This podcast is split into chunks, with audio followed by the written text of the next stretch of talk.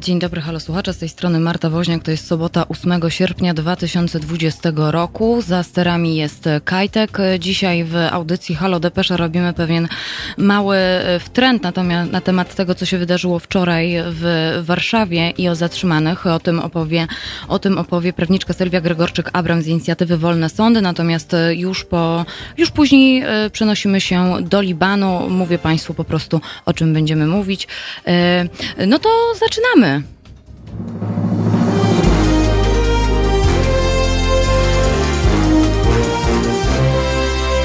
22 39 059 22, taki jest numer telefonu do naszego halo radiowego studia. Teraz małpa halo.radio mogą Państwo pisać pod ten e, mail lub mogą Państwo komentować. E, transmisja na Facebooku, transmisja na YouTubie jest do Państwa dyspozycji e, i robimy taki mały wtrend w naszej halo depeszy. O sprawach zagranicznych powiemy sobie nieco później, natomiast rzeczy teraz niezwykle ważne. Co się dzieje w Polsce, co się działo w Polsce, w Warszawie wczoraj 7 sierpnia 2020 roku. E, najpierw e, pod krakowskim przedmieściem, a później pod komendami e, stołecznymi. O tym opowie nam prawniczka Sylwia Gregorczyk-Abram z inicjatywy Wolne Sądy, z którą już jesteśmy na łączach. Halo, halo. Halo, halo, dzień dobry. E, dzień dobry, więc chciałabym się, chciałabym tak najpierw e, tym słuchaczom, którzy e, i słuchaczkom, którzy nie wiedzą, co się wczoraj wydarzyło, czy moglibyśmy tak skrótowo powiedzieć właśnie, co się wydarzyło wczoraj w Warszawie? Dobrze. Wczoraj sąd podjął decyzję na skutek zażalenia prokuratury, że aktywistka z kolektywu Stop Bzdurą, Margot, jednak e, będzie e, zarządzi wobec niej tymczasowe aresztowanie na okres dwóch miesięcy. To jest aktywistka, która zatrzymywała taki samochód oblepiony homofobicznymi obrazami, tekstami, taki, który jest związany z takim ruchem e, przeciwko aborcyjnym. To na pewno ci Państwo, którzy, którzy są z Warszawy, wiedzą, o którą ciężarówkę e, mi chodzi. E, I to jest właśnie ta sprawa. Ona zatrzymywała tę ciężarówkę, tam w związku z tym ma, ma cztery różne zarzuty postawione. Sąd pierwszej instancji zdecydował, że no nie ma potrzeby tymczasowego aresztowania, musiała się stawiać i staje się no, jako, no, jako dozorowana na, na policji. Wczoraj po zażaleniu sąd zmienił zdanie. E, w związku z tym no, wzbudziło to bardzo duże emocje i niezgodę innych aktywistów, w ogóle obrońców praw człowieka i w ogóle myślę społeczności i postanowili oni udać się pod siedzibę KPH e, na, na Powiślu, gdzie, gdzie właśnie była Margot i, i dać jej w ten sposób wsparcie. Tam się odbyła taka pokojowa demonstracja Margot wyszła, chciała oddać się w ręce policji. Policja nie, do, do, do, jakby nie zatrzymała jej, nie, nie, e, nie zabrała jej ze sobą i w związku z tym aktywiści w takiej większej grupie przeszli na krakowskie przedmieście pod kościół, zdaje się, Świętego Krzyża, gdzie, gdzie no, po drodze śpiewali, trwało, trwało jakiś, no, powiedzmy, happening, jakieś wydarzenie, jakieś zgromadzenie. Tam doszło już do zatrzymania Margot i aktywiści usiedli w geście protestu naprzeciwko tego samochodu E, które mm, ona miała zostać wywieziona. To był samochód policyjny, ale, ale nieoznakowany. I, I tam zaczęły się pierwsza jakby fala aresztowań wśród tych osób, uczestników tego, e, tej demonstracji, tego, tego zgromadzenia. E, druga fala aresztowań nastąpiła pod komendą na Wilczej, gdzie trwał taki również tak demonstracja solidarnościowa z, z zatrzymanymi. Tam również, jak wiemy od obrońców i z nagrań, dochodziło do wyłapywania niektórych osób z tłumu i również Zatrzymań, jest zatrzymanych ponad 47 e, osób. Znajdują się no, w pięciu, sześciu komisariatach teraz e, e, w Warszawie. Całą noc trwały czynności walka o dostęp do adwokata, bo nie było to bardzo trudne, mimo że jest to obowiązkowe, to adwokaci mieli utrudniony dostęp. Części już postawiono zarzutu, zarzuty. No właśnie, ciekawe są. W biegowisku. Właśnie ciekawe są zarzuty, które tak, są postawione pod, pod osobom. Mhm. Tutaj tylko jeszcze dopowiem, że e, TVN24, policja wypowiadała się e, na, na, na antenie TVN24, mhm. że to jest 48 osób. E, tak, tak, taka jest oficjalna informacja. Tak. tak. Mhm. Więc co to, tak, były, tak, co to tak. były to, za zarzuty? Y, co było? Mhm. No bardzo różne są to, pewnie każda sytuacja jest trochę inna. Te zarzuty, o których my wiemy, że są e, postawione, to jest właśnie udział w, e, w e, zbiegowisku jakby, mm, który no polega na tym, że jakby zakłóca się przebieg tego zgromadzenia napaścią na, na rzecz albo na osobę. czyli jak rozumiem, zdaniem policji część osób była agresywna i dochodziło do zniszczenia mienia. Ktoś na przykład opowiadał, że upadła policjantowi szczekaczka, ktoś się kopnął i za to dostał zarzutu jako zniszczenie mienia. Więc to jest taka mniej więcej kategoria zarzutów, z czym no nie zgadzają się obrońcy. Oni nie, nie potwierdzają tego, że absolutnie wszystkie te osoby e, w ogóle kwalifikowały się na zatrzymanie, że ktokolwiek się kwalifikował na, na zatrzymanie, no bo jednak zatrzymanie jest takim środkiem bardzo daleko idącym.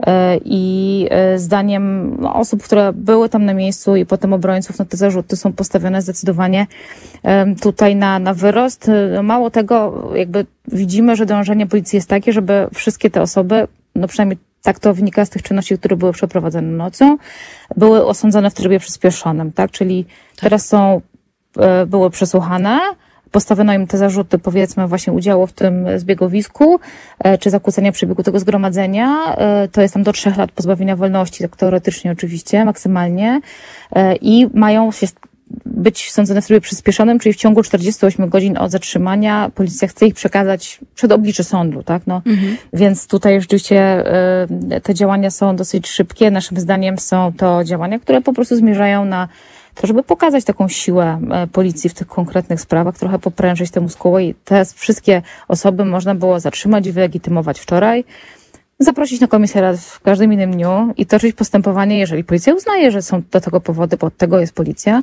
po prostu w normalnym trybie. Oczywiście. E, tutaj ze swojej perspektywy mogę powiedzieć, że akurat e, trafiłam w miejsce, kiedy w pewnym momencie zaczęło otaczać e, mnie na krakowskim przedmieściu między bramą Uniwersytetu Warszawskiego kordon policji i tak trochę nie wiedziałam właściwie, co się, co się dzieje. Był ze mną mój współlokator, który stał obok mnie i w pewnym momencie zaczęto nas spisywać, kiedy mogę Państwu powiedzieć, jak to wyglądało z mojej perspektywy wyciągnęłam swoją legitymację dziennikarską e, i dopiero po chwili jeden z policjantów, e, po chwili jeden z policjantów e, podszedł do tego, który mnie spisywał, że ale tutaj jest chyba pani dziennikarką, ale to nie zrobiło na nikim wrażenia, bo dalej mnie spisywano, dalej mhm. mi zadawano pytania, w dodatku dość kuriozalne. Mogę Państwu powiedzieć, że jak tylko wrócę z radia, będę pisała dzielnie o swoich doświadczeniach wczorajszych i o tym, i o tym, co się działo e, na łamach Super Expressu, e, bo tutaj też się muszę sama skonsultować z prawnikiem, jak wygląda sytuacja.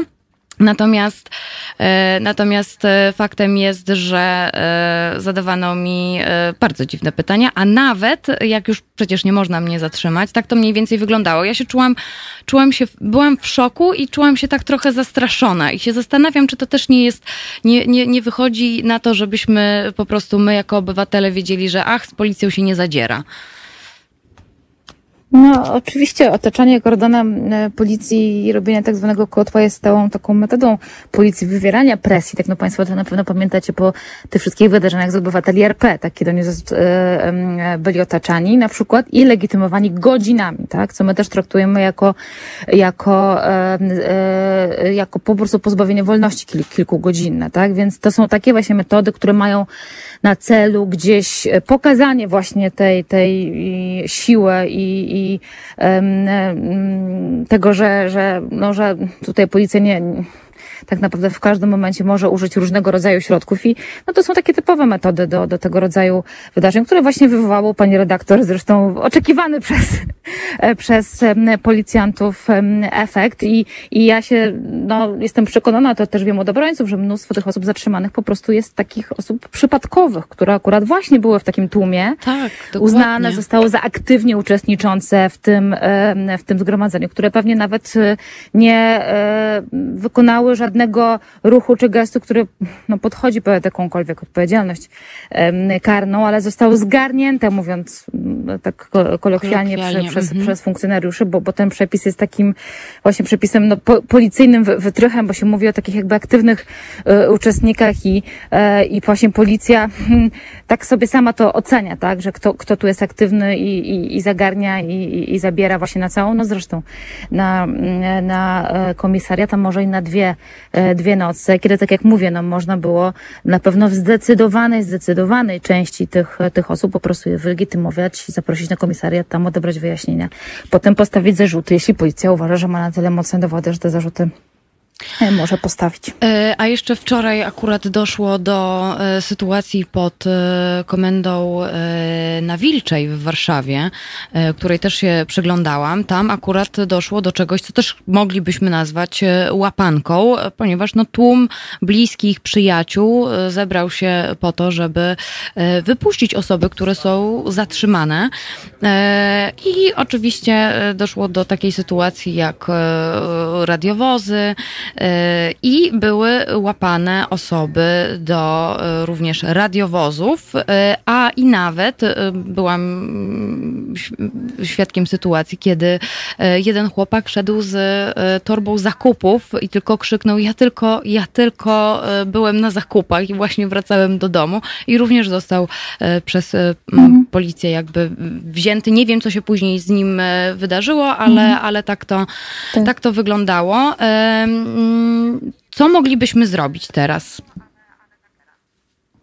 Państwo? Tak. No ja myślę, że y, to jest taki moment, y, że trzeba zrozumieć, że to jest naprawdę sprawa nas wszystkich. To znaczy, to, że dotyczy to e, aktywistów e, LGBT akurat, tak? Bo tam nie tylko są osoby, e, które są aktywistami LGBT, tam są też po prostu ludzie, którzy są, no, nie zgadzają się na takie formy działania państwa, tak? Czy, czy policji, czują się tym pokrzywdzeni. Że to jest po prostu nasza sprawa, bo dzisiaj to dotyczy społeczności LGBT, ale nigdy nie wiadomo, kiedy ten kaprys władzy skieruje się każdym innym dowolnym kierunku, tak? I chodzi o to, że państwo nie może podejmować w żadnej sytuacji e, takich nadmiernych środków, tak? Wobec właśnie jakiejś niewygodnej dla siebie grupy, tak?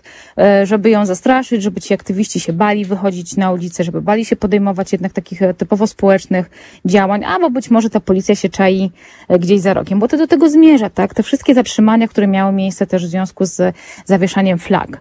No, naprawdę zatrzymanie e, w tego rodzaju sytuacji, gdzie to chodzi o znieważenie pomnika, przewożenie dziewczyny z Bieszczad, przepraszam, do czwartej nad ranem i, i zatrzymanie dwóch kolejnych aktywistek e, e, i, trzymanie jej całą noc na, e, bez postawienia zarzutów właśnie na komisariacie. No to czemu to służy? Temu to służy, żeby pokazać, że te działania nam się nie podobają, nie róbcie tak, moi drodzy, bo jak będziecie tak robić, to będziemy was zamykać i zobaczymy, czy tak będzie wam wtedy fajnie, komfortowo, tęczowo, jak posiedzicie noc na Wilczej czy na Jagiellońskiej, tak? Do tego to zmierza, więc im szybciej sobie to zrozumiemy, że to nawet jeżeli ktoś, chociaż nie sądzę, żeby to dotyczyło słuchaczy Halo Radia, ale jeżeli ktoś się czuje obrażony taką flagą na e, przedmiocie kultury religijnego, to to też powinno go obchodzić, tak? Bo nie może być tak, że nawet jeśli ktoś popełnia przestępstwo, o tym zdecyduje sąd, tak?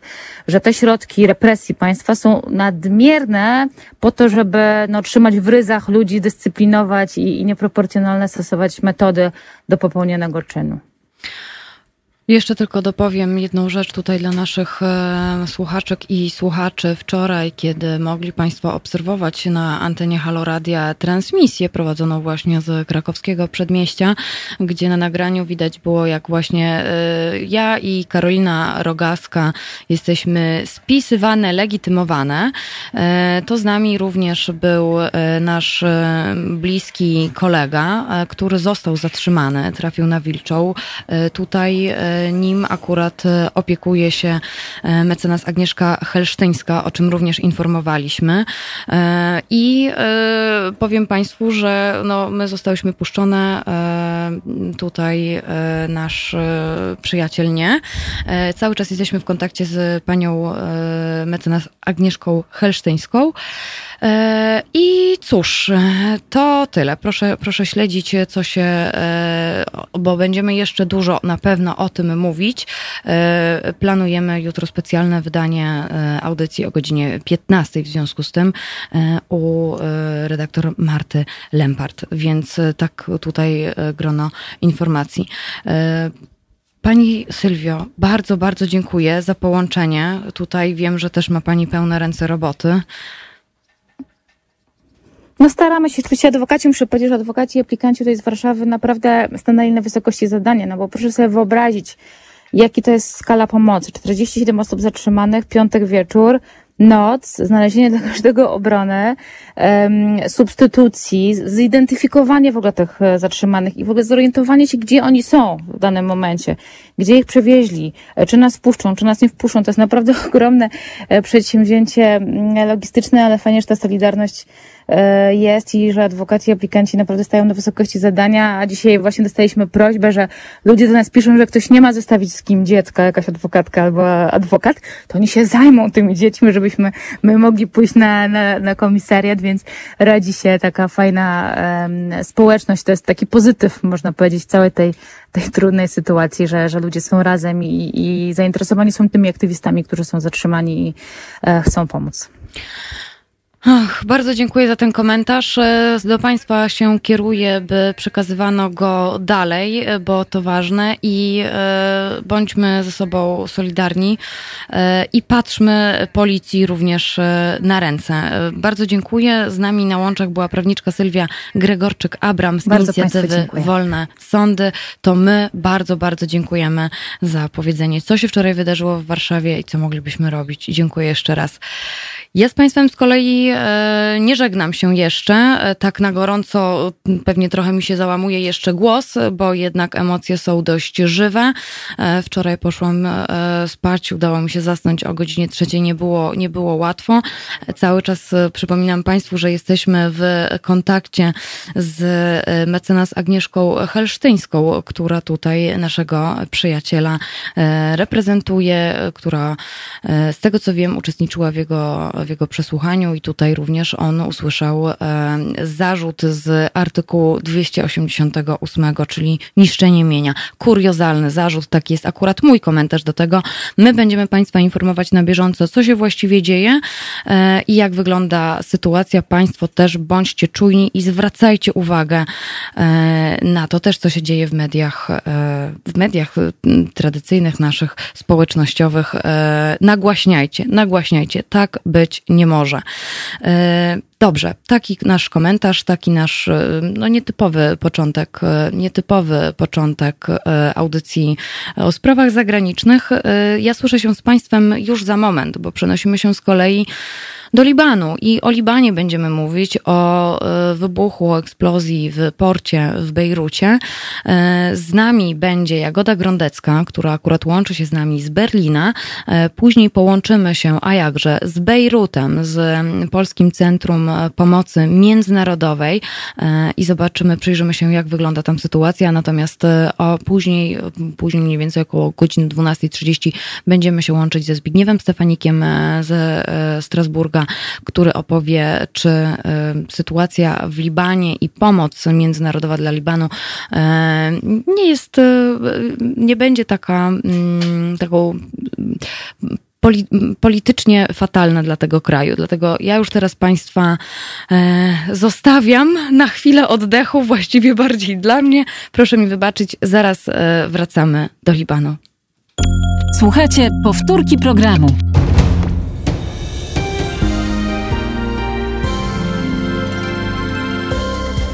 Halo Radio. Pierwsze medium obywatelskie.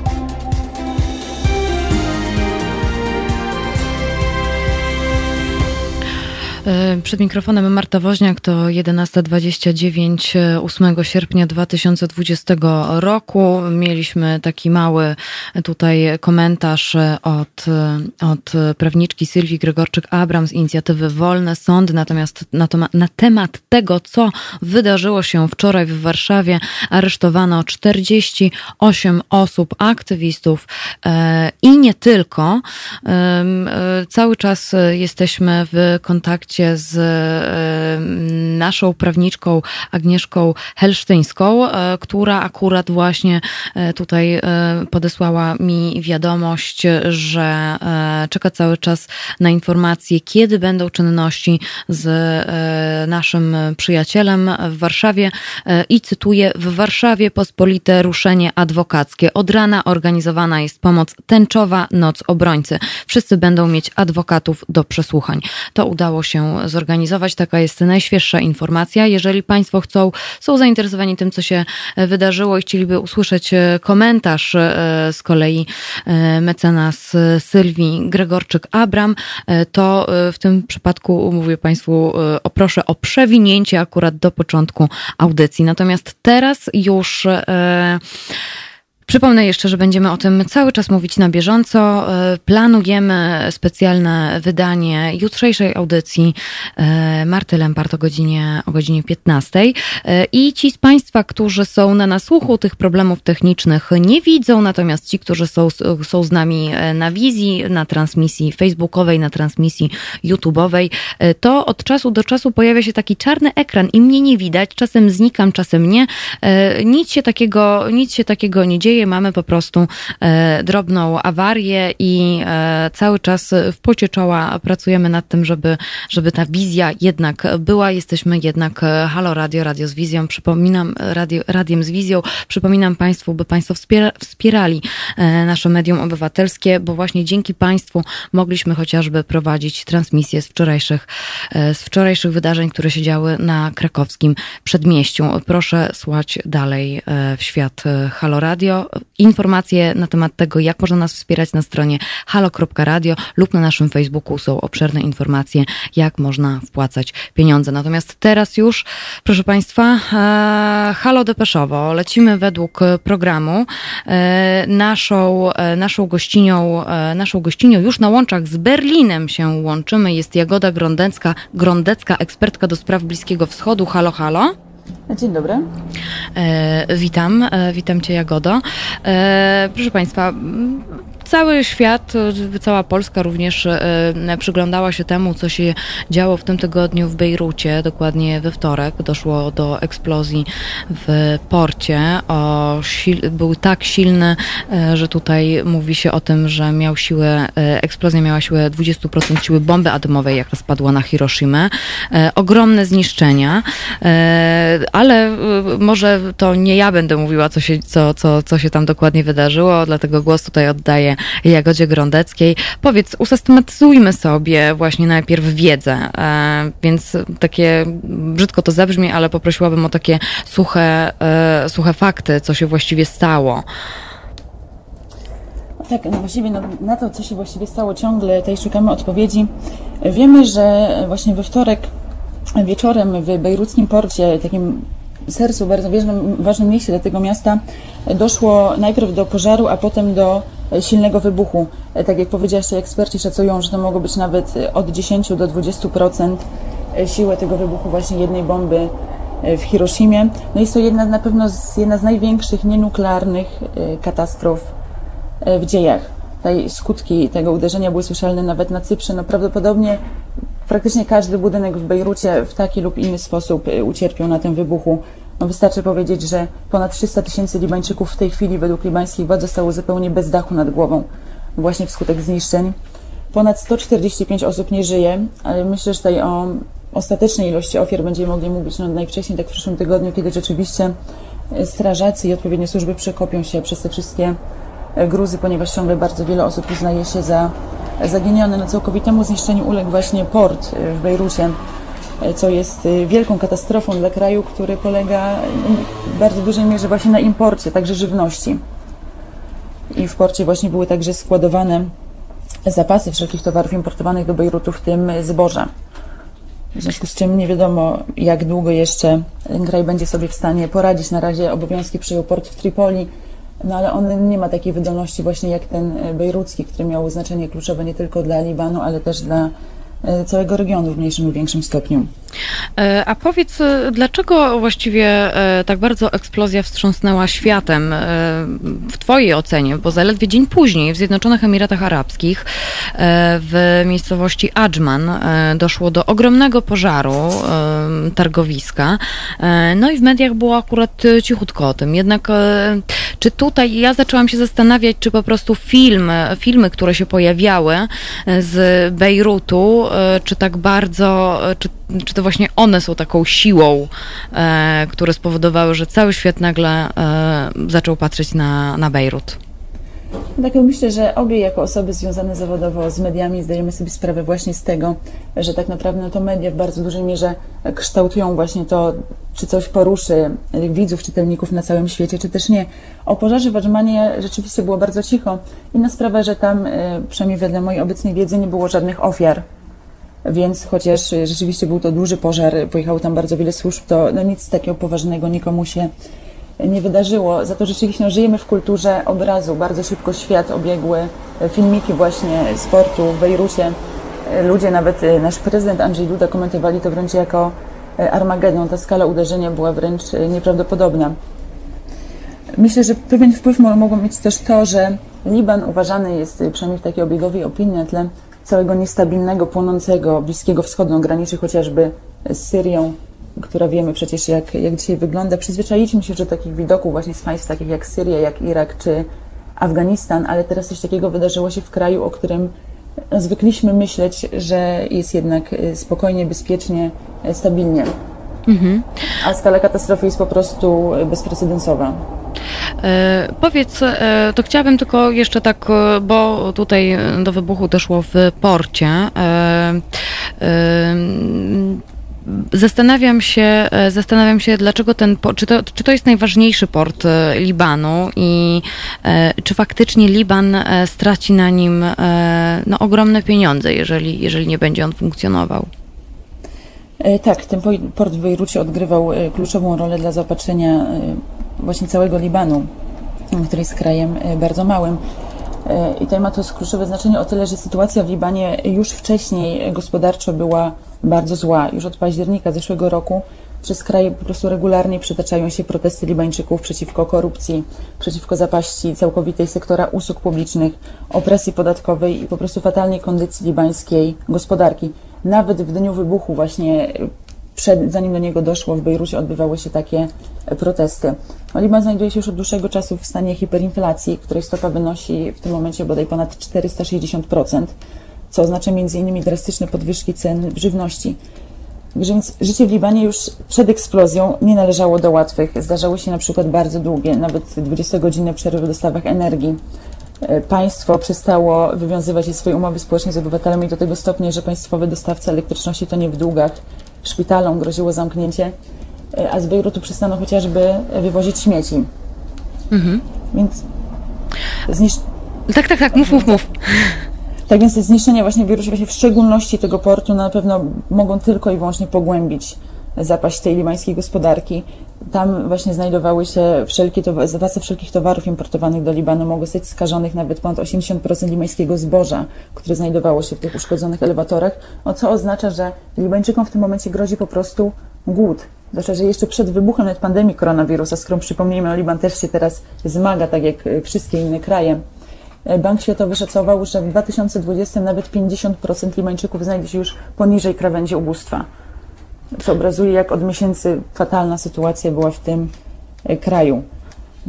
Powiedz jeszcze raz, ile, ile, ile, ile zboża e, było w porcie? Nawet 85%. 85%. Z tego co czytałam, Liban obecnie ma rezerwy właśnie zbóż na jakieś 6 tygodni. A y, powiedz, bo pojawiły się jeszcze takie informacje w mediach, to znaczy y, o rosyjskim biznesmenie Igorze y, Greczuszkinie. Y, tutaj jest właśnie historia, że z jego statkiem i nawóz z jego statku magazynowany był w porcie latami. Czy mogłabyś coś o tym opowiedzieć? Tak, to jest w ogóle bardzo taka egzotycznie brzmiąca historia, bo zasadza się na statku, który płynął z Gruzji wówczas do Mozambiku przed faktycznie sześcioma laty. E, I z tych ustaleń wynika, że ładunek e, właśnie tej e, saletry amonowej, która była składowana w porcie, której właśnie prawie 3000 ton miało tam wybuchnąć, trafiła w gruncie rzeczy do Bejrutu przypadkiem. Statek miał być właśnie własnością rosyjskiego biznesmena Igora Greczuszkina. I według jednych doniesień miał po prostu awarię i zawinął do portu w Bejrucie, a ta usterka była na tyle poważna, że libańskie służby już nie pozwoliły mu wyruszyć dalszą drogę, w związku z tym tam został. E, natomiast kapitan przedstawił trochę inną wersję. E, twierdził, że ten statek wcale nie miał żadnej usterki, ale po prostu został przez władze portowe zaaresztowany, ponieważ jego właściciel, właśnie rzeczony biznesmen, nie uiścił opłat. Natomiast sam Greczuszkin twierdzi, że on ostrzegał władzę, że ładunkiem właśnie są azotany i że załoga, która tam została, e, która spędziła tam prawie rok, zanim została wypuszczona, żyje tak naprawdę na beczce prochu. Więc to buduje wszystko taki obraz katastrofy, której stosunkowo łatwo dało się e, uniknąć. Ten statek, który, e, który właśnie należał do Igora Greszuszkina, e, mówiłaś e, prawie 3000 ton saletry amonowej. E, no i on trafił później do, e, do, do jednego z magazynów, do jednego z magazynów w bejruckim porcie. Dlaczego w ogóle w porcie tyle nawozu i dlaczego go tak długo składowano? No właśnie między innymi na to pytanie ma odpowiedzieć śledztwo, odpowiedzi na to pytanie przede wszystkim domagają się Libańczycy, w których ten początkowy szok, żal zamienia się powoli w złość, w wściekłość właśnie wymierzoną przeciwko władzom, które już wcześniej były powszechnie uznawane za skorumpowane i nieudolne, a teraz okazuje się jeszcze, że nie zadbały nawet na tak podstawowym poziomie o bezpieczeństwo swoich obywateli. No, eksperci od ładunków wybuchowych podkreślają, że saletra amonowa nie wybucha sama z siebie nawet pod wpływem wysokich temperatur, jednak z czasem hmm. ulega po prostu procesowi degradacji, e, zanieczyszcza się, w związku z czym może wtedy już stać się materiałem właśnie łatwopalnym, e, wybuchowym. Prawdopodobnie doszło właśnie do tej katastrofy wskutek najzwyczajniejszego w świecie niestety zaniedbania, co trzeba powiedzieć, że jest, będzie teraz pewnym katalizatorem tego kryzysu i jest też po prostu niejako jego skutkiem, taką to taką, niejako, nie chciałam, że to źle brzmiało, ale wisienką na torcie po prostu tego, co działo się w Libanie tak naprawdę już od nie tylko wielu miesięcy, ale po prostu od y, wielu lat. Proszę Państwa, zrobimy sobie e, chwilę oddechu, powiemy sobie, ponieważ wokół e, wybuchu w Bejrucie, tej potężnej, potężnej eksplozji, e, nagromadziło się też teorie spiskowe, co właściwie doprowadziło do wybuchu. Mówi się również o, mm, no tak, trochę o ataku terrorystycznym, bardzo mocno upraszczając, ale zaraz Jagoda Grondecka nam to wyjaśni. Ja Państwa na moment e, razem z Jagodą Grondecką na chwilę Państwa zostawiamy. Przypominam Państwu, że y, Halo Radio funkcjonuje tylko i wyłącznie dzięki Państwa wpłatom. Państwo są słuchaczkami i słuchaczami, ale równocześnie darczyńcami, darczyniami. Dlatego bardzo, bardzo z tego miejsca proszę o wsparcie. Y, I, y, I co jeszcze chciałam Państwu powiedzieć? Dobrze, robimy sobie chwilę oddechu. Aha, wiem. Jeżeli mają Państwo jakieś pytania dotyczące Libanu, jeżeli mają Państwo jakąś historię, z którą się Państwo chcą podzielić w związku z wczorajszymi wydarzeniami, teraz małpa halo.radio albo 22 39 059 22. Do dyspozycji są również komentarze na Facebooku, na YouTubie e, i proszę Państwa o transmisję, o udostępnianiu, publikowaniu tej transmisji w miarę Państwa możliwości. Słyszymy się już za chwilę. To jest powtórka programu. Halo Radio. Gadamy i trochę gramy.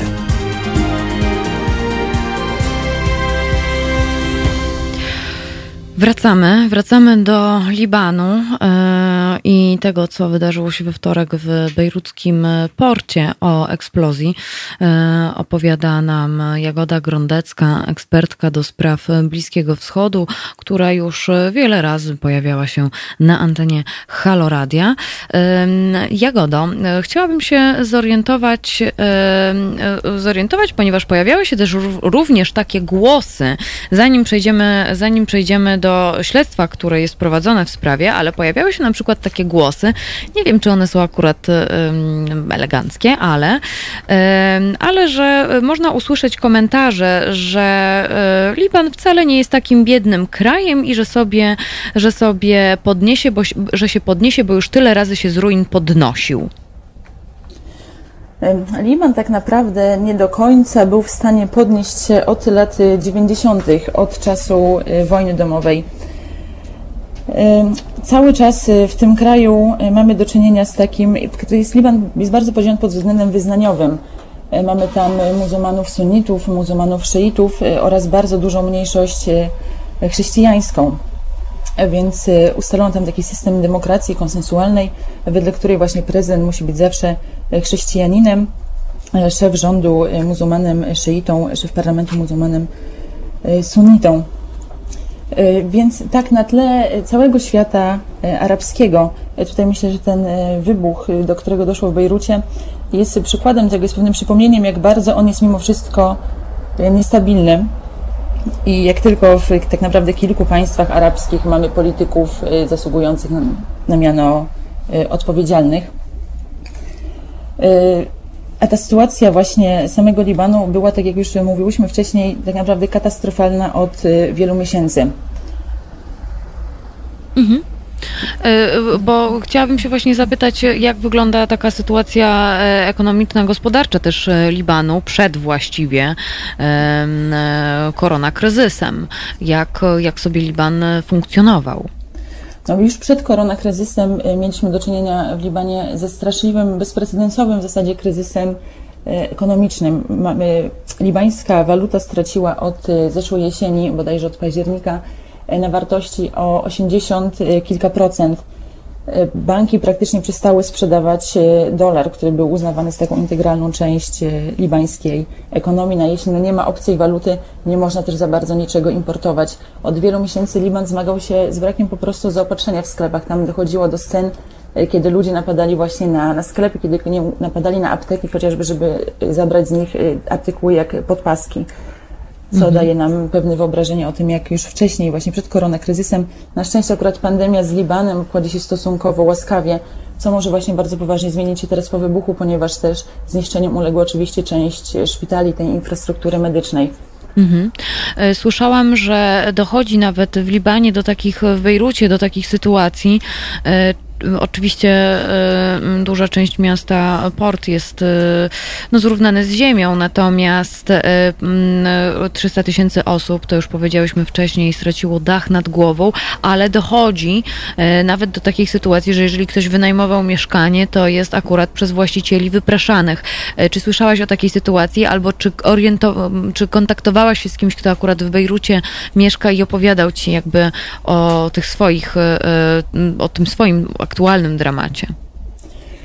E, z tego, co rozmawiałam ze znajomymi mieszkającymi w Bejrucie, akurat na takim poziomie społecznym, międzyludzkim doszło do gestów niesamowitej solidarności. Nawet ci ludzie, którzy zostali już teraz e, praktycznie z niczym lub ich majątek został w jakimś bardzo dużym stopniu właśnie przez ten e, wybuch uszkodzony, no, pomagają sobie nawzajem, przyjmują właśnie te osoby, które zostały teraz bez dachu nad głową.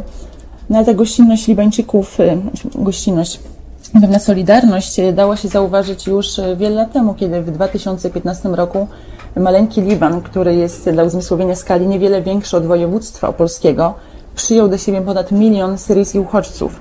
W tym samym czasie, w 2015 roku, do Unii Europejskiej e, przybyło około właśnie miliona imigrantów z całego świata i my uważaliśmy to za niesamowity kryzys e, na jakąś niespotykaną skalę. Więc to jest właśnie kolejny problem Libanu, kolejne wyzwanie, e, także dla nas, dla Zachodu, ponieważ rozpadnięcie się tego kraju, e, które niestety w mojej ocenie jest e, nieuniknione, jeśli nie dojdzie do naprawdę bardzo sensownej, bardzo szybkiej pomocy ze strony środowiska międzynarodowego, będzie mieć skutki odczuwalne właśnie także dla nas na Zachodzie. No, trzeba pamiętać, że praktycznie co trzeci mieszkaniec Libanu jest właśnie uchodźcą Syrii. Mhm. E, a powiedz mi, e, jak właśnie takie nastroje e, społeczne w Syrii, nie w Syrii, w, w Libanie po tym, co się wydarzyło, czy, czy jest, znaczy no tak, taka samopomoc się dzieje, czy mieszkańcy na przykład również ze strażakami odgruzowują, nie są, nie są no, no czy, czy dzieją się właśnie akurat takie wsparcie wewnątrz, bo o wsparciu z zewnątrz też sobie za chwilę powiemy. I tak, mamy tam właśnie bardzo duże wsparcie na takim poziomie międzyludzkim, właśnie takiej samopomocy, o jakiej mówisz. Gniew Libańczyków jest właśnie wymierzony, wymierzony przede wszystkim w tą skorumpowaną klasę polityczną, w którym zaledwie kilka rodzin, które w większości stanowią takie stare dynastie polityczne, praktycznie splądrowało Liban przez ostatnie lata, co było powodem właśnie takich bardzo dużych erupcji gniewu młodych Libańczyków, tego libańskiego społeczeństwa obywatelskiego już wcześniej. Teraz domagają się oni przeprowadzenia właśnie niezależnego śledztwa i doprowadzenia do odpowiedzialności, do tego, żeby winni zaistniałej tragedii ponieśli za to e, odpowiedzialność.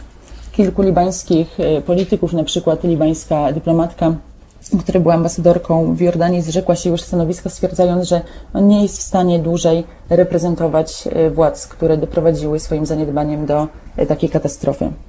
A powiedz, e, jak na eksplozję w Libanie odnosi się środowisko międzynarodowe. Tutaj organizowanych jest bardzo dużo zbiórek pieniędzy, również rządy poszczególnych państw oferują pomoc.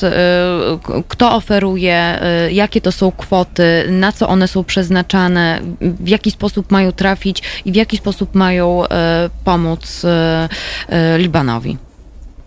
E, tak, tej reakcja społeczności międzynarodowej była e, bardzo szybka. Komisja Europejska zdecydowała o uruchomieniu takiego właśnie europejskiego mechanizmu ochrony e, ludności cywilnej. Także poszczególne rządy postanowiły od razu wysłać do Libanu różnoraką pomoc. Polska na przykład wysłała strażaków, choć tu oczywiście mam nadzieję, że polscy rządzący jako goręcy orędownicy pomagania na miejscu zdobędą się na pomoc w jeszcze większej skali, której teraz Liban niezwykle potrzebuje.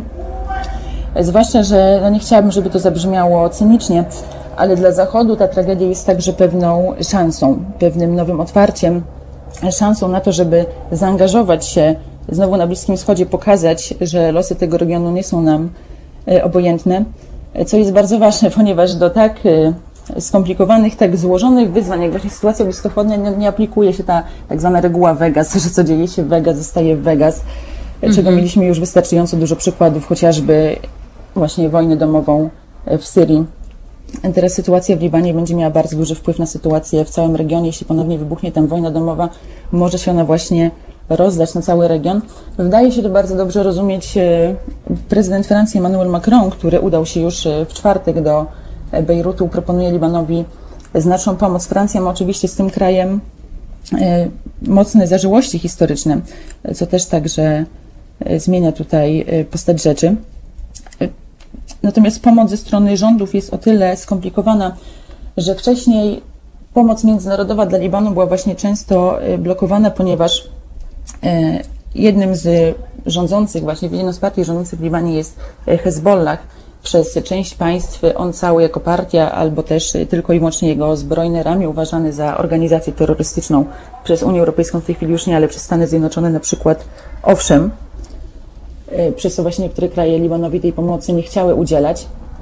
Bank Światowy na przykład domagał się już od jakiegoś czasu od Libanu przedstawienia jasnego, klarownego planu walki, walki z korupcją i również właśnie w ten sposób warunkował swoją pomoc. Oczywiście taki plan nigdy nie został przedstawiony, więc tutaj staje także duże wyzwanie, jak jednocześnie pomóc Libańczykom bez legitymizowania właśnie działań libańskiego rządu i zwyczajnie bez ryzyka, że e, pomoc, tak kolokwialnie mówiąc, zostanie gdzieś e, rozkradziona i zwyczajnie nie dotrze do tych najbardziej potrzebujących, z czym mieliśmy na przykład bardzo wiele razy do czynienia w Afganistanie, kiedy miliony, miliardy dolarów przeznaczone właśnie na pomoc nigdy nie trafiały do kieszeni zwykłych Afgańczyków.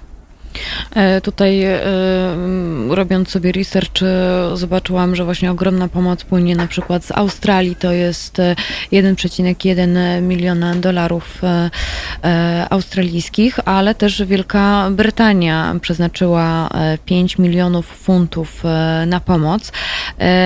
Czy Liban ją przyjmie? Tutaj trudno powiedzieć tak naprawdę, jak, jak zareaguje właśnie na to libańska klasa polityczna na pewno jakby ta pomoc y, i ta humanitarna, i wsparcie polityczne, y, i kredyty y, tak naprawdę będą warunkować teraz przeżycie Libanu jako państwa, ponieważ bez tego istnieje ryzyko na przykład właśnie, że radykałowie z Hezbollahu przejmą pełnię władzy, co także widzieliśmy już wiele razy w różnych krajach, kiedy organizacje terrorystyczne albo quasi-terrorystyczne w takich sytuacjach kryzysowych wchodziły niejako właśnie w rolę państwa wyręczając je w zapewnianiu mieszkańcom jakichś takich różnych podstawowych usług, no czego takim najbardziej aktualnym przykładem było przecież właśnie państwo islamskie e, w Syrii i Iraku, mhm. które w dużej mierze swoją tak zwaną popularność e, zdobyło zapewniając e, ludziom tak podstawowe rzeczy jak właśnie dostęp do wody, elektryczności czy chleba. E, Jagodo, zrobimy sobie e, przerwę właśnie na zegarach godzina 12. Wracamy do Państwa e, po hymnie. Słuchajcie powtórki programu. Halo Radio. Na zegarach 12.04 przed mikrofonem Marta Woźniak za sterami Kajtek, natomiast cały czas z nami na łączach Jagoda Grondecka z Berlina akurat, ekspertka do spraw Bliskiego Wschodu. Przypominam Państwu, e, którzy teraz się dopiero dołączyli do e, naszej haloradiowej depeszy sobotniej, że rozmawiamy o Libanie. Wcześniej e, komentowaliśmy z mecenas, z mecenas Sylią Gregorczyk-Abram z inicjatywy Wolne Sądy to, co wydarzyło się wczoraj w Warszawie. Odsyłam, będę Państwa odsyłać również do tego pierwszego, tych, tych pierwszych 5, 15 minut e, naszej audycji i proszę słuchać to dalej e, w świat właściwie. E, niech obywatele wiedzą, obywatelujmy cały czas. Obywatelować można również wspierając Halo Radio, a właściwie to jest jedna z najważniejszych rzeczy, którą, którą, którą robić trzeba. Jak odsyłam na stronę halo.radio lub na naszego Facebooka. Tam są informacje, jak wspierać datkami, pieniędzmi, bo właśnie dzięki nim możemy się rozwijać, możemy dla Państwa nadawać, jak chociażby takie sytuacje, które wczoraj miały miejsce w Warszawie na krakowskim przedmieściu. E, wracamy jednak do Libanu. Wracamy jednak do Libanu. E, e, tutaj, tutaj akurat pada takie pytanie, Jagodo od naszej słuchaczki Baju Baj. W Libanie w porcie to zamach czy wypadek? Tutaj, jak przy okazji wielu tego rodzaju wydarzeń, oczywiście błyskawicznie, zaraz po wybuchu zaczęły mnożyć się wręcz teorie mniej lub bardziej uzasadnione na temat tego, do czego właściwie doszło.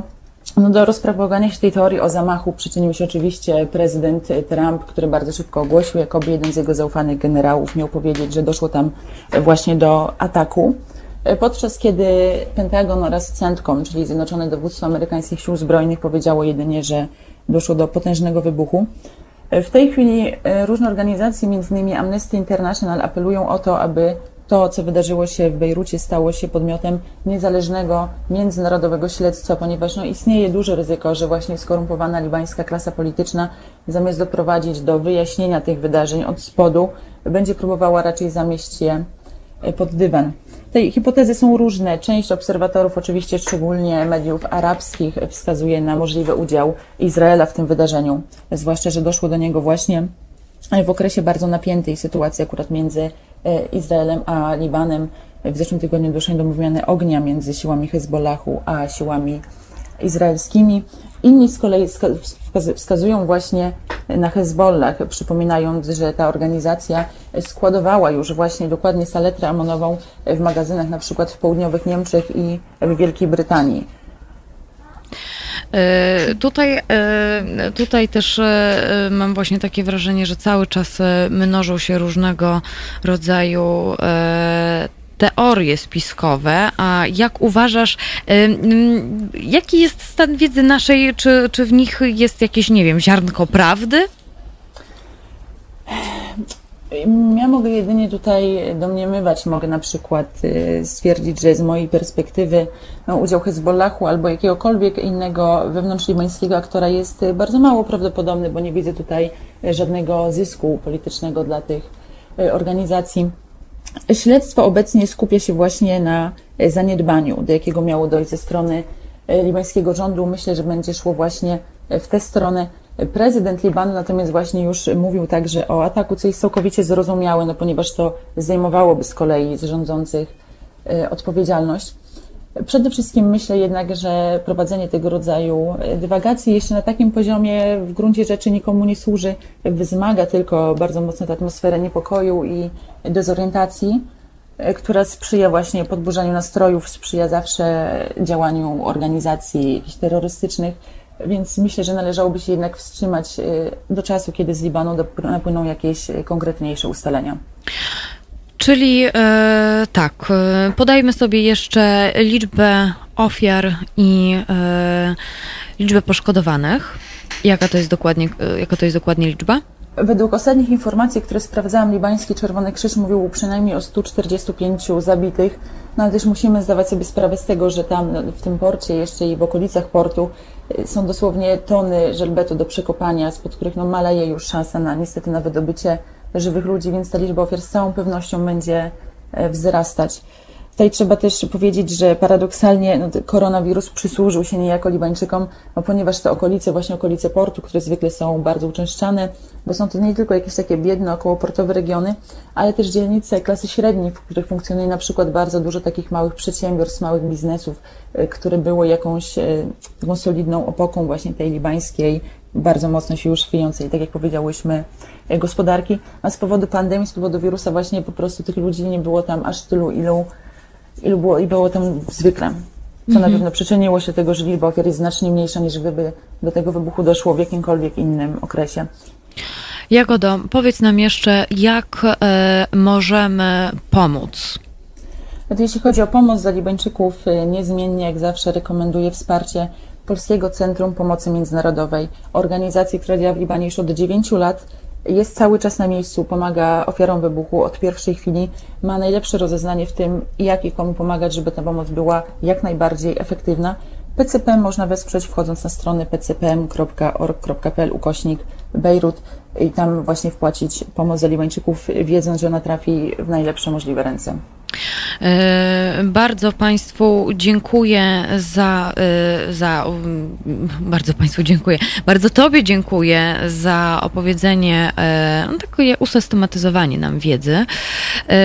Tutaj za chwilę będziemy się łączyć właśnie z Polskim Centrum Pomocy Międzynarodowej z Bejrutem. Mam nadzieję, że uda nam się, uda nam się połączyć. W tym celu musimy tutaj sobie zrobić właśnie właśnie e, usłyszeć e, muzykę. Natomiast, e, natomiast proszę z nami zostać. Łączymy się z Bejrutem, z Raną Gabi, która jest na miejscu i opowie, jak wygląda sytuacja na miejscu. Natomiast ja teraz bardzo, bardzo dziękuję Ci, Jagodo, za wyjaśnienie nam tych kilku newralgicznych kwestii. Wiemy, wiemy po prostu więcej. Bardzo dziękuję Ci, Marto. I jeśli jeszcze mogłam jeszcze wykorzystać swoją obecność na antenie, Oczywiście. mam nadzieję, że się nie obrazisz. Tutaj właśnie z Berlina, gdzie obecnie jestem, chciałam wyrazić swoją solidarność z ofiarami wczorajszych zatrzymań w Warszawie, wśród których, z tego co wiem, jest bardzo wielu moich znajomych, jak również potępić działania polskich władz jako obywatelka i jako osoba zajmująca się zawodowo Bliskim Wschodem, który dawał nam naprawdę bardzo wiele przykładów tego, jak kończy się, kiedy państwo wymierza działania własnych służb swoich obywateli? Chciałabym do władz zaapelować, żeby nie szły drogą, naprawdę, że nie wkraczały na ścieżkę, z której bardzo trudno jest już później zawrócić. Bardzo, bardzo Ci dziękujemy. To ważne, to ważne oświadczenie. E, mm, proszę Państwa, e, Słyszymy się już za moment. Moją Państwa gościnią Jagoda Grądecka, ekspertka do spraw Bliskiego Wschodu. E, jestem cały czas z Państwem. Słyszymy się już za chwilkę. To jest powtórka programu.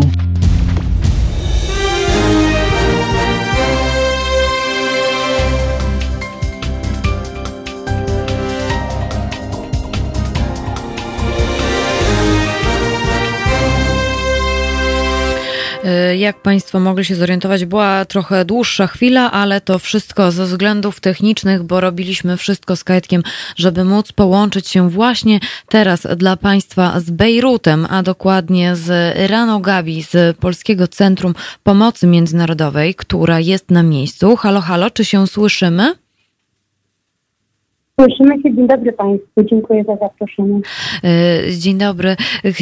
Chcielibyśmy w takim razie się dowiedzieć, jak wygląda sytuacja na miejscu, ale e, też e, jak można Państwa wspierać, więc zacznijmy od początku. Kiedy ekipa, w jakiej ilości Polskiego Centrum Pomocy Międzynarodowej wylądowała w Bejrucie? Proszę Pani, Ekipa, e, są dwie ekipy. Polskie Centrum Pomocy Międzynarodowej już funkcjonował, jakby pracujemy w Libanie od 2012 roku, więc już znajdował się zespół e, z PCPM na miejscu zdarzenia nazajutrz już e, od razu nad ranem po wybuchu, żeby zrobić rozeznanie, jak wygląda sytuacja, zbierać dane o, od rodzin najbardziej potrzebujących, abyśmy wiedzieli, jak dostarczyć pomoc. Równolegle ekipa polska biura PCPM w Warszawie e, przygotowywała e, e, dzięki wsparciu NSZ-u, wsparciu państwa pomoc humanitarną, która była pakowana na samolot, który też był zorganizowany dzięki wsparciu Ministerstwa Spraw Zagranicznych i dosłownie w niecałe 24 godziny już się ta pomoc znajdowała w Libanie. W tej chwili sytuacja jest taka, że no, lepsza niż oczywiście na samym początku.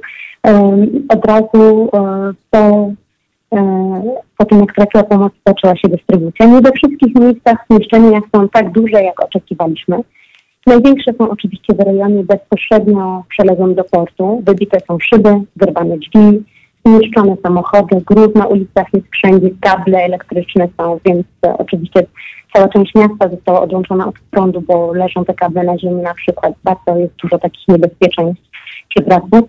Ale widzimy pospolite ruszenie Bejrutczyków, skautów.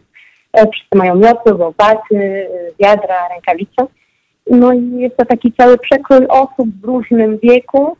E, drużyny nawet sportowe się pojawiły, jakieś kluby motorowe. Wszyscy pytają, jak mogą, e, jak mogą pomóc. Tysiące ludzi pracuje. Mhm. Sprzątają ulice, wynoszą szkło z budynków, połamane meble. Też jest taka inicjatywa od piekarzy i różnych takich sklepów, które E, z własnej inicjatywy roznoszą bułki pracującym. Inni wody do picia podają, ponieważ w tej chwili w Bejrucie jest około 31 stopni w cieniu, e, w zależności oczywiście od dnia. Dają pracującym wodę. E, ludzie są dla siebie życzliwi. Widać naprawdę taki wielki duch pomocy. Jednocześnie wszyscy sprzątający noszą oczywiście maski, mają odkażacze. W trakcie pracy starają się przestrzegać reguł covidowych. No i choć w mediach e, nie widać tego, e, ponieważ e, no, z przyczyn oczywiście to są takie ich zasady, mówię o armii libańskiej, i my na początku nie zdawaliśmy sobie sprawy z tego, jak, jaką rolę właściwie odgrywają. Operacji jednak pomocowej naprawdę się spisają, nas spotykamy i w każdym kluczowym miejscu związanym z katastrofą podjeżdżają pod samolot e, pomo pomocowy, no, tam gdzie jest cała humanitarian aid, które trafiło na przykład z Polski. Rozładowują palety do, do swoich własnych ciężarówek, kierują logistyką magazynów. E, także naprawdę organizacje pomocowe takie jak e, my, jak nasze mają ułatwioną pracę. Widać e, też... Mhm, tak, słucham pana. Nie, nie, proszę, proszę. Zmiana, też dnia na dzień wspólnymi siłami dzięki Państwa pomocy z Polski mieszkańcy Bejrutu nie czują się opuszczeni i wyrażają to. Naprawdę na każdym kroku podkreślają swoją wdzięczność dla Polski. Wydawało nam się trochę tak na początku, że ta, taka drobna pomoc jest nieistotna lub mało znacząca, ale zaklejenie y, okna folią lub powieszenie kotary, kotarów w drzwiach tuż po zdarzeniu jest y, jednak y, nie plastrem na ranę, ale właśnie tym pierwszym etapem pomocy, który y, był odebrany jako bardzo przydatny, zaskakujący dla mieszkańców, ponieważ sporo osób skarżyło się, że ma astmę, że mieszkając tak blisko wybuchu, gdzie jest dym, gdzie również no, są problemy zanieczyszczenia w tej chwili przez ten toksyczny gaz, przez śmieci, które znajdowały się blisko karantyny bo tam jest taka góra, no, która dysponowała i zarządzała e, śmieciami e, mieszkańców, co e, też sprowadza się do tego, że bardzo dużo insektów i różnych szczurów i tak dalej znajduje się szczególnie przy takiej, takiej pogodzie, przy takim klimacie tutejszym.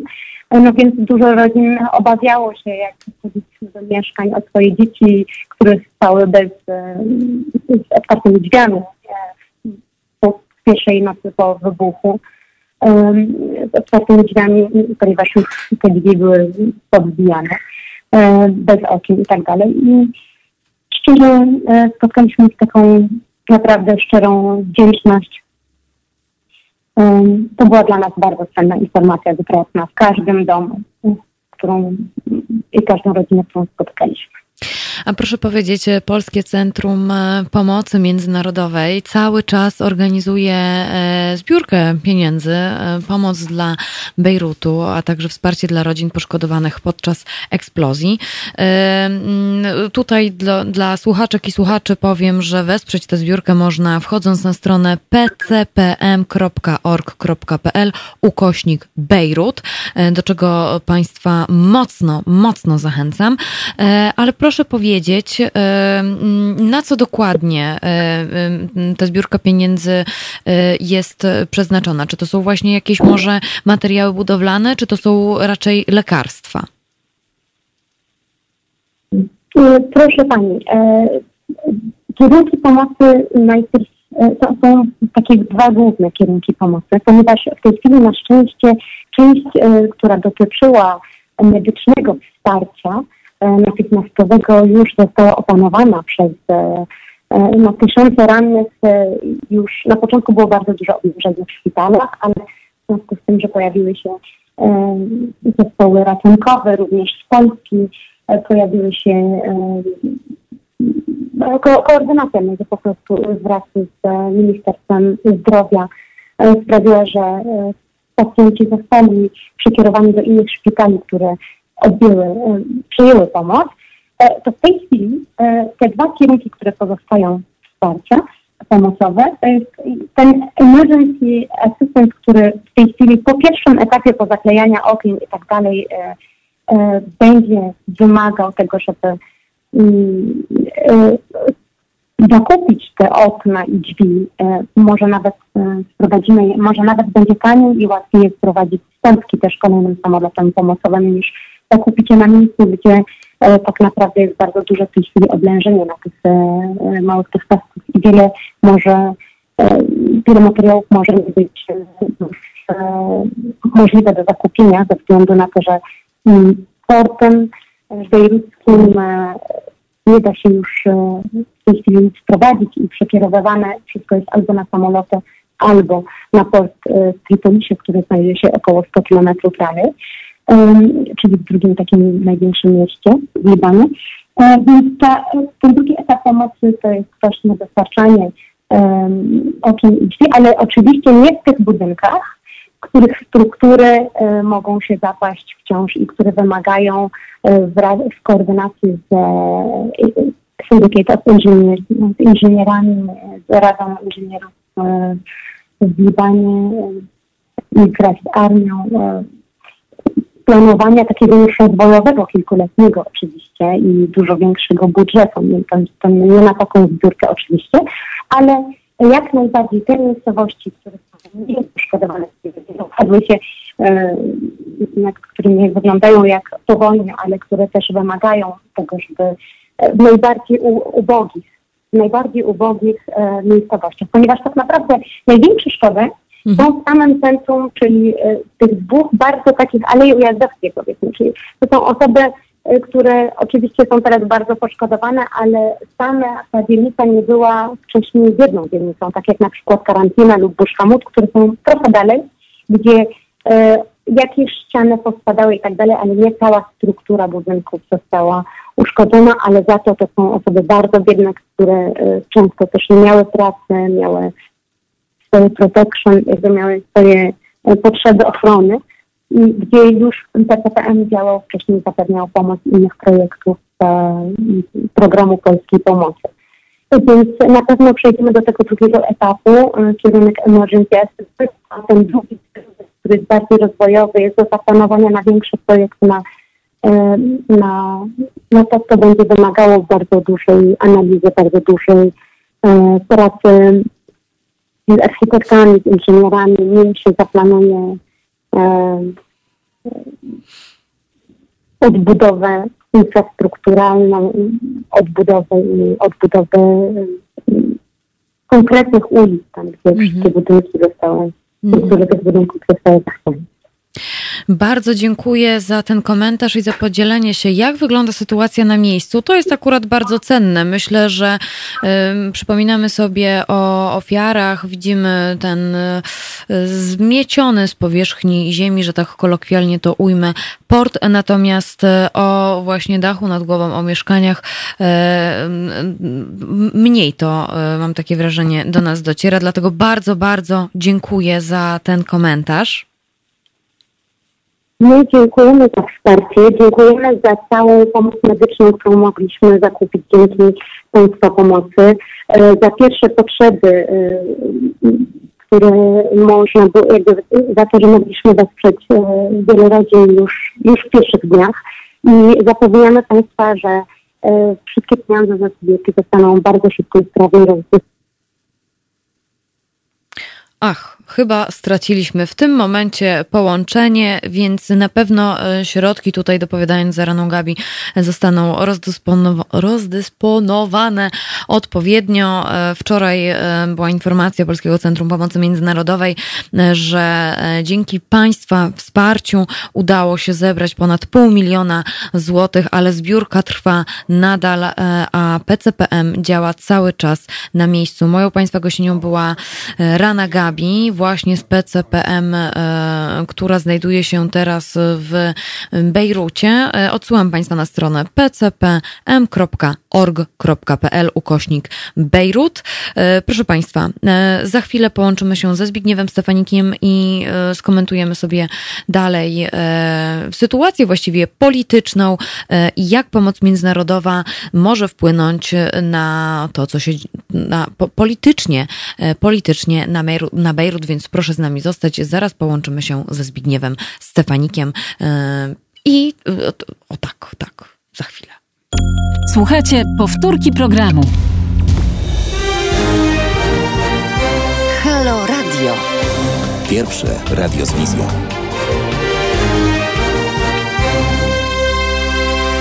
Na zegarach 12.43 przed mikrofonem Marta Woźniak. Jeżeli Państwo się dziwią, dlaczego tutaj jeszcze jestem, to akurat y, mówię Państwu, że studio będzie mogło być odkażane trochę dłużej, bo akurat y, redaktor Dymek usłyszał, usłyszał go Państwo zdecydowanie, ale punkt 13 nie będzie akurat w Halo Radiowym Studiu, natomiast my teraz jesteśmy jeszcze w ostatnich minutach naszej Halo Depeszy na łączach ze Zbigniewem Stefani korespondentem z Francji. E, panie Zbigniewie, nie mamy wiele czasu na komentarz. E, dość jest gorący, gorący dzisiaj, e, dzisiaj czas.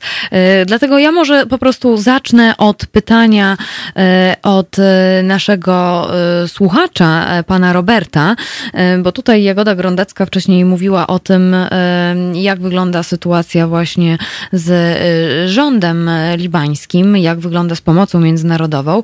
Natomiast e, pan Robert e, pyta, e, jak to jest właściwie z tym śledztwem, bo jeżeli Hezbollah będzie je prowadził, to czy nie będzie to zamiecione w jakiś sposób pod, pod dywan, więc po prostu o polityce sobie jak wygląda, jak wyglądałaby pomoc międzynarodowa politycznie, no i jakie to może mieć skutki, jeżeli właśnie Hezbollah by ją prowadził. E, no właśnie, e, jeśli chodzi o śledztwo, to jest to narastający problem, e, ponieważ wczoraj prezydent Libanu odmówił śledztwa międzynarodowego, twierdząc, że tak naprawdę takie śledztwo no właśnie zamarze prawdziwe przyczyny tej katastrofy. Jednocześnie zaapelował do prezydenta Francji, aby Emmanuel Macron pomógł mu wyjaśnić, czy nie doszło Mm, no właśnie tego dnia e, do ataku rakietowego czy bombowego e, na port, ponieważ zdaniem prezydenta być może taki atak miał miejsce, taki atak lotniczy e, i właśnie to być może jest przyczyną tej katastrofy. Na tym etapie zarówno władze Libanu, w tym prezydent głównie tego kraju, jak i Hezbollah nie chcą międzynarodowego śledztwa. Tak więc to śledztwo może być skomplikowane. E, w sytuacji, gdzie Emmanuel Macron zaapelował e, do utworzenia e, konferencji międzynarodowej, która miałaby zgromadzić wszystkich potencjalnych darczyńców, no, którzy byliby w stanie wesprzeć Liban finansowo. No ale właśnie jak to zrobić?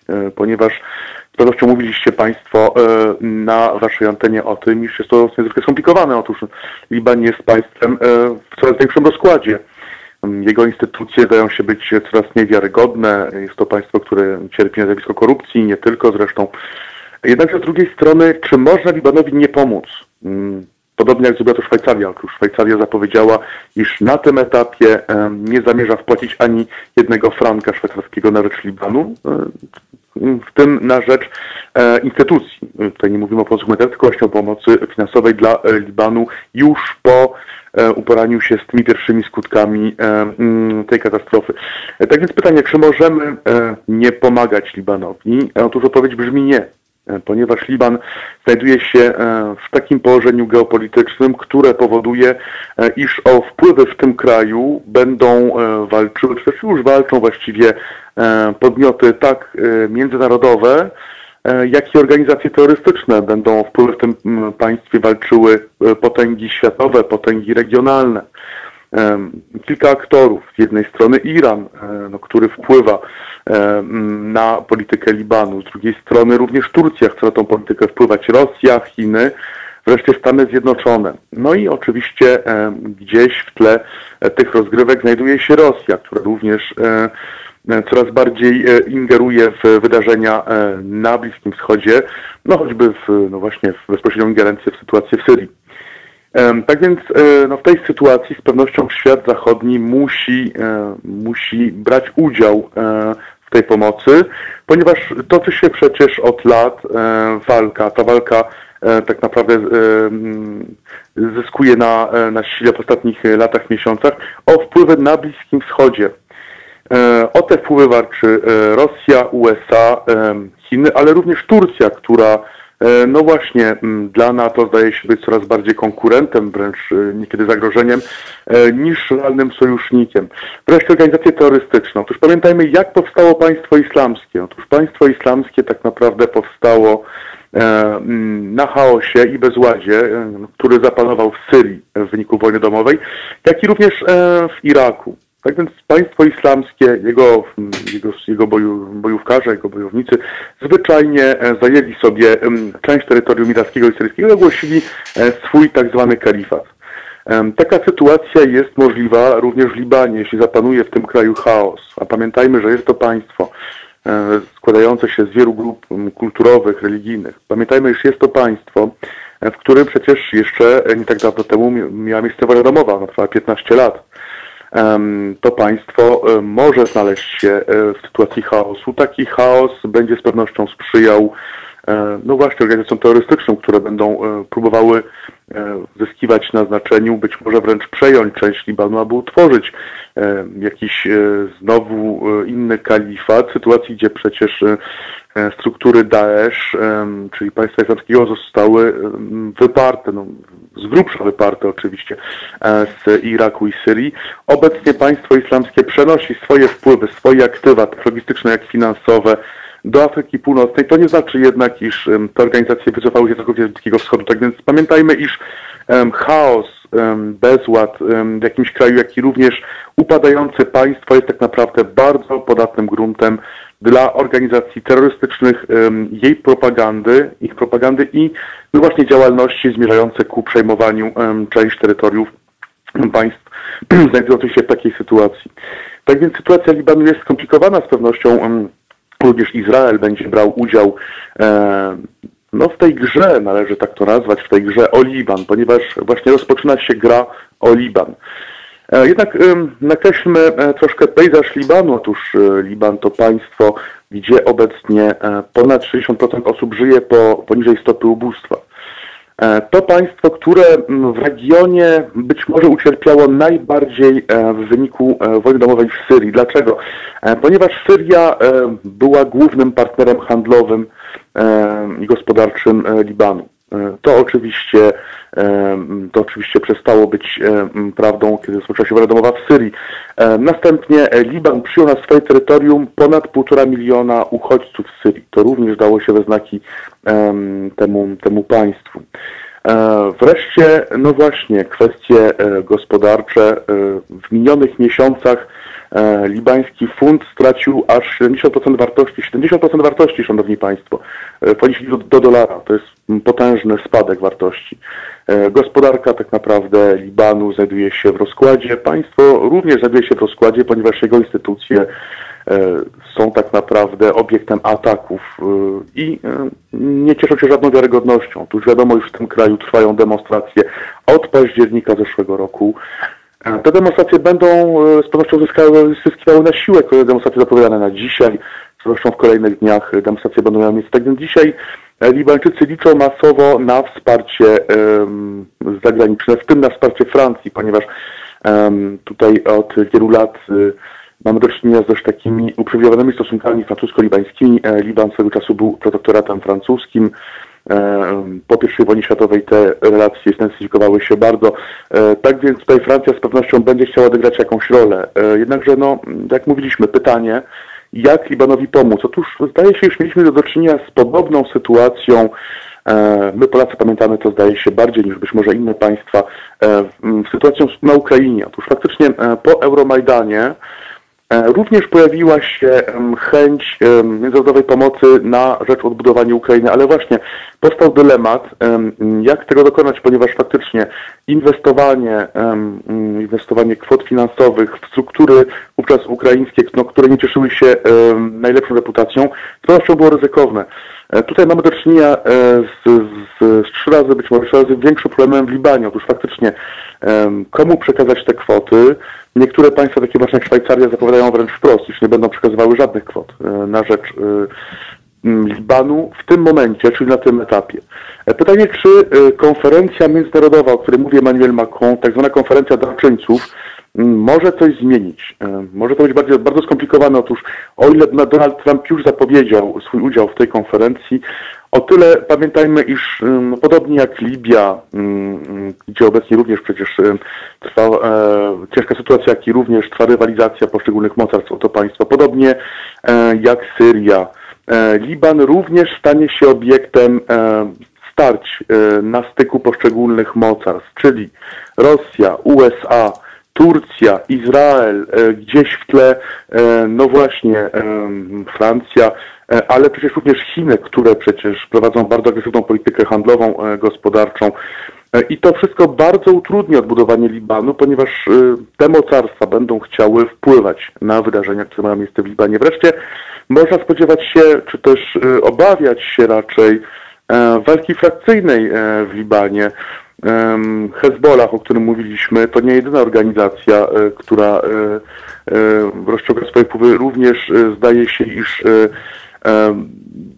organizacje takie właśnie jak Daesh, Al-Kaida, inne organizacje lokalne będą zabiegały o to, aby mm, rosnąć w siłę w Libanie, być może wręcz odgrywać jakąś rolę w tym państwie. Pamiętajmy, jak już mówiliśmy, iż sytuacja chaosu, bezładu, upadającego państwa jest tak naprawdę e, najbardziej podatnym gruntem na rozwój takich organizacji. Tak więc z pewnością możemy spodziewać się, e, iż organizacje właśnie terrorystyczne, radykalne islamistyczne będą dawały się we znaki, ale być może wręcz będą się ścierały. Otóż pamiętajmy, em, iż na przykład w Afganistanie e, Większość e, tak naprawdę ofiar, które mają miejsce obecnie e, pośród cywili, e, to ofiary, które są ofiarami w wyniku starć poszczególnych organizacji, czyli tutaj głównie w Afganistanie chodzi o Al-Kaidę e, i e, Daesh.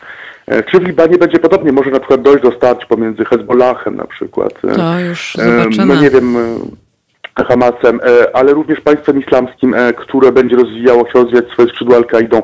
Tak więc ta walka, no właśnie pomiędzy organizacjami o wpływy może być bardzo bolesna, może dać się we znaki, może tak naprawdę być wstępem do nowej wojny domowej. Pamiętajmy, iż e, Syria jest e, sąsiadem Libii, wiemy jak tam e, sytuacja się potoczyła, e, Liban tam sytuacja się potoczyła, tak więc Liban z pewnością no, może wejść na ścieżkę syryjską, tego nie wiemy.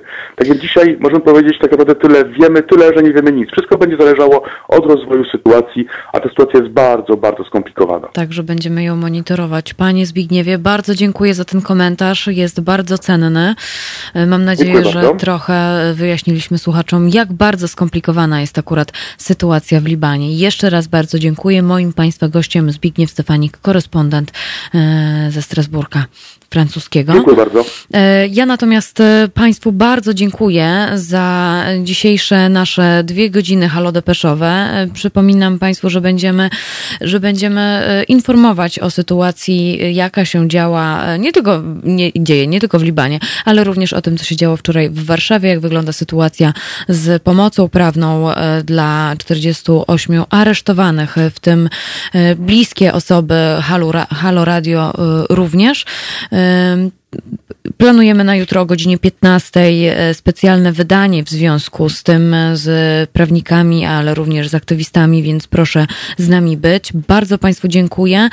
Proszę być bezpiecznym, proszę przekazywać dalej informacje o tym, co się wczoraj wydarzyło w Warszawie. Niech Polska, niech świat o tym wie, bo tak być nie może. Wszystkiego dobrego. Realizował mnie Kajtek. Ja nazywam się Marta Woźniak. Do usłyszenia. Wszystkiego dobrego. Halo Radio. Po co nam Halo Radio? Gdyby przez ostatnich 30 lat większość mediów nie układała się z politykami, to nie bylibyśmy potrzebni.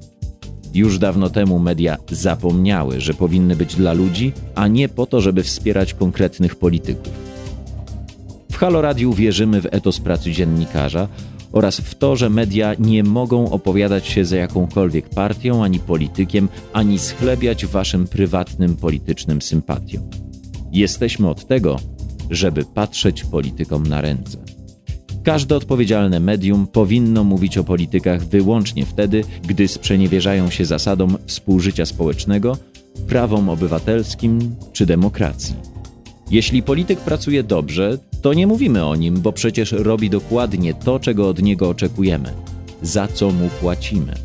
Nie mówi się wszak o wizycie w warsztacie, gdy auto jest sprawne. Nieprawdaż? Media muszą być krytyczne wobec wszystkiego i wszystkich. Taka powinna być ich rola. Drodzy Państwo, nie oczekujcie od nas, że będziemy przychylni Waszym politycznym wyborom. Będziemy natomiast mozolnie szukać dziury w całym. Po 30 latach polityczno-medialnego bagna to właśnie chcemy robić i robimy. I dlatego prosimy Was o stałe wspieranie naszej działalności www.halo.radio